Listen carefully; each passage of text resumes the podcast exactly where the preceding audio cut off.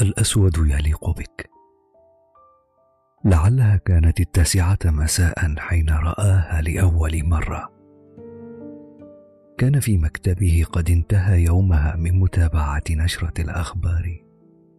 منهمكا في جمع أوراقه استعدادا للسفر صباحا.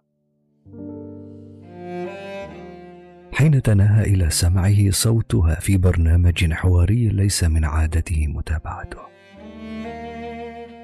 كانت شظايا جمل تصله من كلامها ثم راحت لهجتها المختلفة تستوقف انتباهه لهجة غريبة منحدرة من أزمنة الفلامينكو توقعك في شراك إيقاعها. وجد نفسه في النهاية يجلس لمتابعتها. راح يشاهد بفضول تلك الفتاة غير مدرك أنه فيما يتأملها. كان يغادر كرسي المشاهد ويقف على خشبة الحب.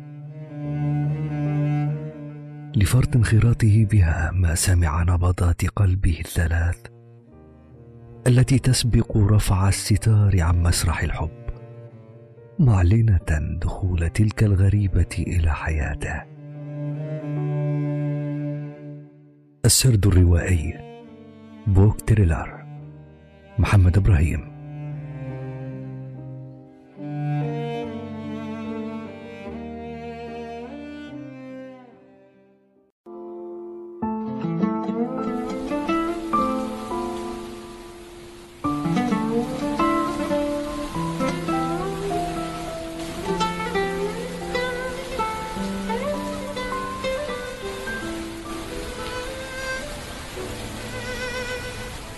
تنسى. كأنك لم تكن. تنسى. كمصرع طائر. ككنيسة مهجورة تنسى. كحب عابر. وكوردة في الليل تنسى. أنا للطريق. هناك من سبقت خطاه خطايا. من أملى رؤاه على رؤاي هناك من نثر الكلام على سجيته ليدخل في الحكاية. أو يضيء لمن سيأتي بعده اثرا غنائيا وحدسا تنسى كأنك لم تكن شخصا ولا نصا وتنسى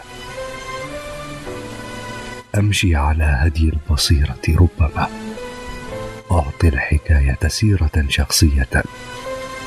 فالمفردات تسوسني وأسوسها أنا شكلها وهي التجلي الحر. لكن قيل ما سأقول. يسبقني غد ماض. أنا ملك الصدى. لا عرش لي إلا الهوامش. والطريق هو الطريقة. ربما نسي الأوائل وصف شيء ما.